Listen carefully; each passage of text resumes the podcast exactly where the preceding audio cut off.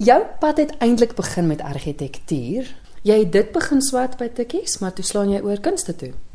Dis reg. Ja, ek ek het eintlik van alle vakke eweveel gehou op skool en toe ek moet kies wat 'n rigting om in te slaan, het hulle vir my gesê jy hou van teken en jy hou van wiskunde, dus jy moet 'n argitek word. En toe dink ek, ja reg, dit is nou nogal gaaf. uh so ek het 2 en 'n half jaar argitektuur gedoen. En die eerste jaar was my baie lekker want jy was baie kreatief. Ek het 'n fantastiese woning vir 'n pikkewyn ontwerp. En die tweede jaar moet jy die rioolplanne begin doen en die spesifieke dakskroewe en dit was net dit het net nie meer vir my gewerk nie. En ek het toe besluit ek gaan nie al daai jare studeer aan iets wat my nie regtig soveel interesseer as wat ek gedink het nie en eintlik lê my hart in kuns. En ek dink ek het kering vir kuns gekry omdat ek daai 2 jaar argitektuur gedoen het want ek was nie by 'n kunstskool of enige so iets nie. So dit dit was 'n stap in die pad in die rigting van my kunstloopbaan. Jy het eintlik beeldhou studeer of dit was een van die mediums waarin jy gespesialiseer het. Ek ken jou nie as beeldhouer nie. Dis reg, ek het beeldhou, dit is 'n 4 jaar kursus en die eerste jaar doen jy alles en dan kies jy. So ek het in beeldhou gespesialiseer op die ouend was ek die enigste 4 jaar beeldhou student wat oorgebly het en ek was baie dikwels net op myself aangewese. Daar was nou en dan 'n besoekende dosent. Maar ek het die beeldhou baie geniet en dit was 'n groot uitdaging. Ek het daarna nie so baie beeldhou gedoen nie omdat ek nie regtig 'n studio gehad het nie. En jy kan skilder in jou sitkamer, maar jy kan nie beeldhou doen in jou sitkamer nie. So ek het toe meer begin om skilderwerk te doen. Maar ek hou baie van in verskillende mediums werk en ek het deurgaans aangehou om kleinskaal op beeldhouwerk te maak en ehm um, verder so aan te gaan. Jy is een van daai kunstenaars wat letterlik alles kan doen en jy was so gaaf geweest om 'n klomp van jou verskillende werke ook vir ons uit te stal hier. So ons gaan gou-gou daar deurstap. Ek wil begin deur dit waarvoor ek jou die beste ken en dit is daai die goggas. Dis reg. Ek is omtrent nou al meer as 20 jaar besig om goggas te bou uit stokkies en pele en dorings en klippies en al die mooi goed wat jy kan optel rondom jou. En dit het juist begin omdat elke objek so ongelooflik mooi is en dan tel jy dit op en jy sit dit ergens in 'n boks en kyk nie weer daarna nie. En toe het ek besluit ek moet iets daarmee doen sodat nie net ek nie, maar almal die are op hierdie blaar kan waardeer. En dit is hoe die goggas begin gebeur het. Maar jy het nie net altyd ekskuus natuurlike gevonde objekte gebruik nie. Jy het naderhand het jy na rekenaargoeders toe ook gegaan? Dis reg. Ek een van my persoonlike plesiere in die lewe is om iets wat ander mense weggegooi het in 'n nuwe lewe in te bring en iets daarmee te doen op 'n 'n manier wat jy dit nooit sou verwag het nie. En so ek het ou rekenaarparte het ek al opge die moederborde opgesny vir die vlerke van goggas. 'n klein elektroniese parte het ek gebruik, 'n ou reukwaterbotteltjie wat ek in die straat opgetel het. Dit is wonderlik vir my as ek iets in die straat kan optel wat ek kan nes toe bring en iets kuns daarmee kan maak. Ehm um, so ja, ek hou daarvan. Ek hou van die idee van om gevonde objekte en weggooi artikels in 'n nuwe lewe in te bring. Ja, want ek weet ons het so rukkie terug ook gesels oor maskers, 'n maskeruitstalling wat jy by die Kunsvereniging van Pretoria gehad het wat juis ook met gevonde objekte gemaak is. Dis reg, ja, en en maskers is iets wat my nog altyd regtig gefassineer het. Dis asof daar net 'n soort van 'n rou primitiewe energie in 'n masker is en asof dit jou toegang gee tot 'n 'n ander dimensie en die mites van verskillende kulture Ek weet nie of dit te persoonlik is nie, maar jy het so klein bietjie siek geword van die onder andere rekenaarparte en goed wat jy uitgesny het, want jy het baie van daai gifgasse eintlik ingeasem. Dis reg, ja, ek het eintlik heeltemal siek geword daarvan. uh ek kon nie verstaan hoekom ek 5 keer 'n dag geneesbloei gehad het en sulke dinge nie. En op die ouend het ek uitgevind dat ek ehm um, swaar metaalvergiftiging opgedoen het as gevolg van die goed wat ek ingeasem het wat uit hierdie circuit boards uitgekom het. En ook het ek intussen allergies vir terpentyn geword en ek werk met olieverf dikwels. So ja, daar is 'n tol wat geëis word as jy 'n kunstenaar is. ek kan dit bietjie moeilik want terpentyn word gebruik om jou kwasse skoon te maak. So wat nou? Ja, nee, ek het deur 'n hele lewer detox program gegaan en ek gebruik nou chirurgiese alkohol in plaas van gewone terpentyn. En ehm um, ek gaan daarom nog aan op daai manier. Kom ons praat oor jou skilderwerk. Jy het 'n wonderlike uitstalling gehad vroeër die jaar oor Kubu Island. Waar's Kubu Island? Weet jy, ek het 'n ou almanak gehad wat ek vir jare en jare gebeere het en daar was foto's van Kubu Island en dit is 'n plek in Botswana. Dit is basies 'n klein eiland van 2 miljard jaar oue graniet in die middel van die soutpanne van die Makgadikgadi vlaktes. En dit is 'n ongelooflike plek. Totaal misterieus en fantasties. Reuse krummetartbome wat so uit die granietklippe uitgroei. 'n Ongelooflike plek en dit is dit was my nommer 1 op die lys van plekke wat ek graag wou besoek. En toe het ek 2 jaar gelede die geleentheid gehad om daarheen te gaan. En ek het dit spesifiek gedoen om foto's te neem en inspirasie en idees vir 'n uitstalling oor Kubu Eiland. Ja, om by die skilderye te begin. Die skilderye is baie realisties. Ek hou daarvan om met groot hoeveelhede detail te werk. Ek voel altyd iemand wat bereid is om langer en dieper te kyk moet beloon word. So as jy langer kyk, kan jy meer dinge raak sien, jy weet. Uh so dit is vir my belangrik in die skilderye. Die skilderye is baie realisties. Dit is hoe dit lyk daar. Mm. So vir my is dit 'n poging om die gees van die plek vas te vang en iemand wat nie daar was nie moet in hierdie skildery kan verlore raak en voel hy loop op Kubo Eiland rond. So die skilderye waar die artistieke vryheid vir my inkom is watter tyd van die dag is dit? Wie kies ek as die hoofkarakter? Wat 'n soort lig? Maar as jy op Kubo Eiland is, is dit wat jy om jou gaan sien. Dit is realisties. Baie mense sê jy kan dan net sowel 'n foto teen die muur gesit het. Hoekom dan die foto so realisties skilder? Iemand het eendag vir my gesê as jy 'n ongelooflike goeie fliek gesien het en aan die einde sê dit it was based on a true story. Maak dit 'n minder goeie fliek? Dit doen nie. Soms maak dit selfs 'n beter fliek. Jy's reg. En ek dink dit was aan die woorde van Paul Klee en hy het gesê om dit in Afrikaans te stel, hy het gesê kuns is nie 'n kopie van wat jy sien nie. Dit laat jou sien. En ek wil dit graag van toepassing maak op my skilderye.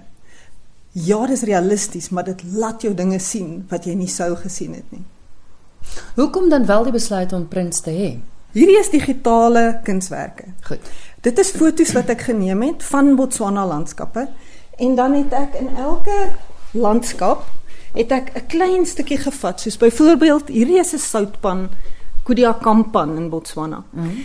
En ek het van hierdie droë modderskubbe 'n klein stukkie gevat. Dan kopieer ek daai klein stukkie.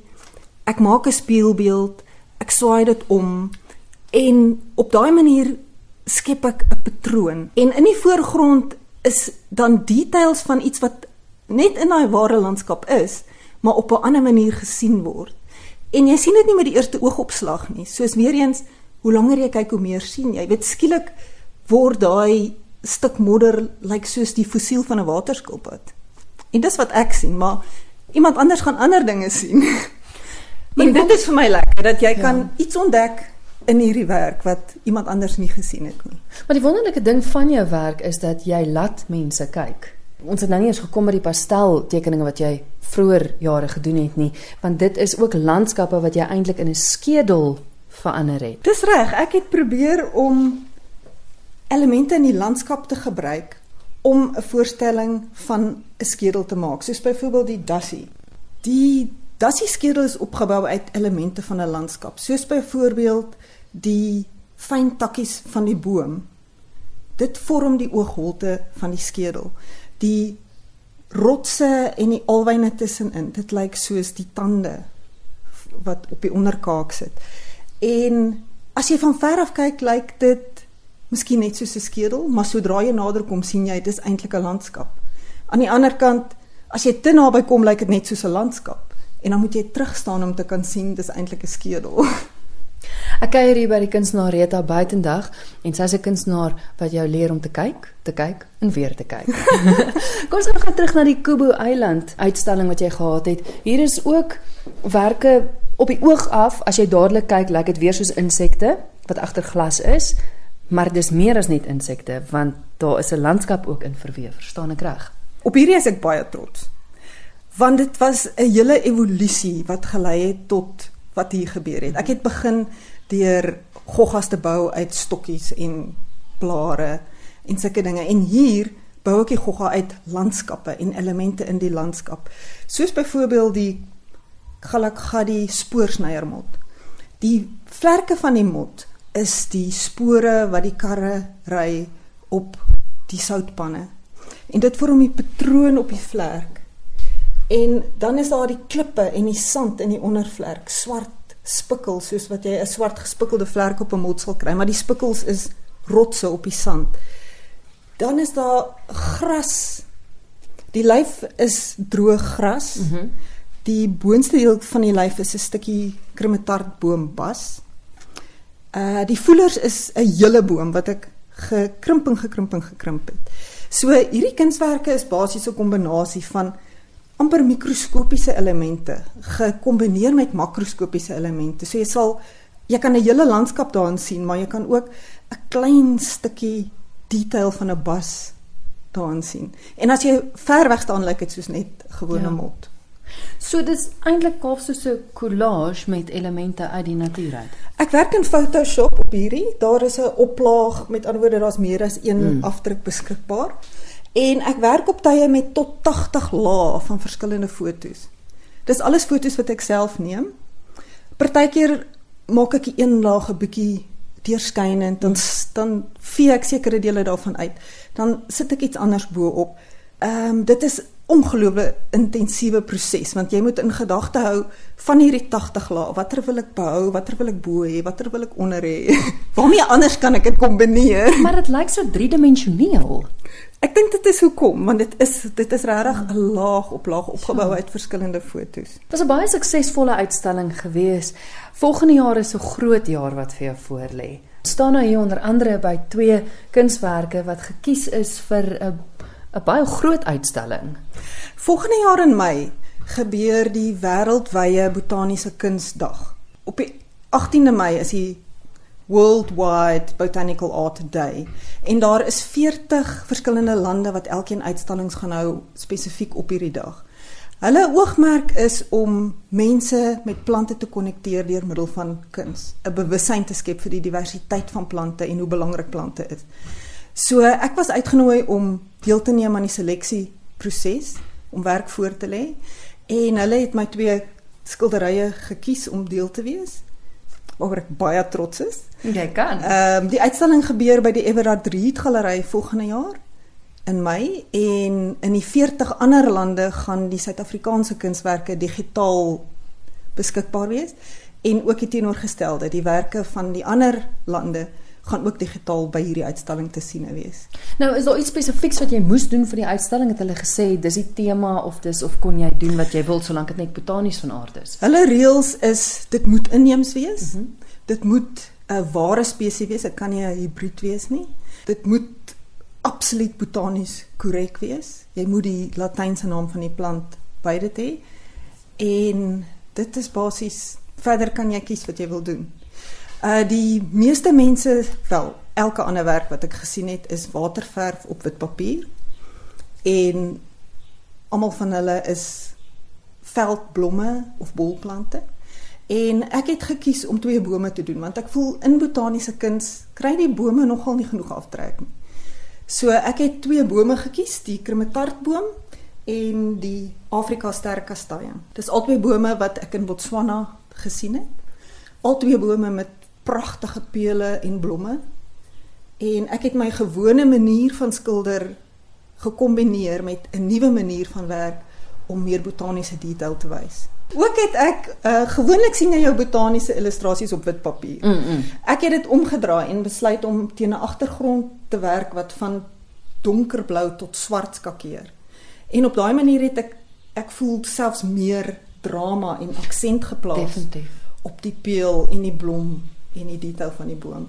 Maar dit is ongelooflik die detail van die stam ook, die die bas van die kaying, wat se boom het jy gesê? Sterkastaing. Sterkastaing. Dit is ongelooflik die detail van die bas wat jy uitgebring het. Hierdie is 'n beeldskone boom, Sterculia africana. Hy groei nie in Suid-Afrika as sulks nie, maar wel in Botswana, Zimbabwe, al die onder omringende lande in Afrika.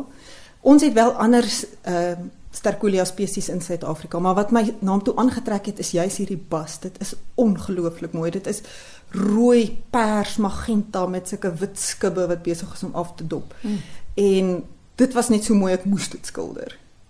Nou om te bly by die natuur, jy het nou 'n nuwe ding wat jy wat jy ook doen wat jy vir my gesê het jy graag verder sal op wil fokus. Is 'n pragtige pragtige blom waarna ek kyk, maar dis nie 'n blom nie, want weer eens kyk kyk en kyk weer. ek het nou vir ja, meer as 20 jaar goggas gebou uit plante. Mm. En hierdie is nou die eerste keer wat ek 'n plant gebou het uit goggas. So ek het foto's geneem van verskillende insekte en ek het dit op 'n collage manier weer eens in Photoshop opgebou om 'n blom te maak. Soos byvoorbeeld die styfmeeldrade is die bene van 'n spinnekop. Die blomsteel is 'n groen wurm wat ek in ons tuin gekry het. Die uh die blomblare is 'n klein pinkkewer wat ek afgeneem het reg nadat hy uit sy ou grys vel uitgeklim het. Ja. Dit was ongelooflik. So, Weereens het dit net gevra om in 'n kunswerk gebruik te word. En dit was vir my baie opwindend die resultaat wat ek gekry het. As jy van ver af kyk, lyk dit net soos 'n blom. Hmm. En as jy nader kom, het mense wat arachnofobia het, koue rillings en hardloop weg. nee, ek moet sê, mense kyk anders na goggas as jy na die kunswerk kyk. Dis mooi. Goggas is so mooi. As ek in my lewe een ding kan regkry en dit is om mense goggas meer te laat waardeer dan dan ek iets reg gekry. Maar nie so ek het nie geweet mens skryf pinkkewer nie. En kyk nou net, daar leer ek nou mens doen. Dit was ongelooflik, ja. Jou kreatiwiteit. Ek meen ons het nou deurgestap. As regtig 'n groot verskeidenheid van goed wat jy al gedoen het oor die jare. Waar kom jou kreatiwiteit vandaan? Kry jy net skielike idee? Loop jy dit raak soos wat jy mense en objekte en goed raak sien of droom jy dit? Waar kry jy dit of is magtom CD's in jou ateljee? Kry jy dit deur musiek? Ek werk met musiek. Musiek is vir my 'n groot inspirasie. Musiek help my om hier te bly en net aan te hou, want anders stap jy weg, maar jy wil nie want jy wil die volgende liedjie hoor. so op daai manier help musiek my baie. Uh, maar ek sou sê my inspirasie kom baie dikwels van die natuur af net die beeldskone goed waarmee ons omring word in plante, diere, goggas en die landskap. En wat my ook van die natuur aantrek is die feit dat soos in 'n goeie kunswerk kan jy nader en nader en nader kyk en meer dinge ontdek. Selfs al gaan jy tot op mikroskopiese vlak, is dit nog steeds iets onsagwekkend moois en inspirerend.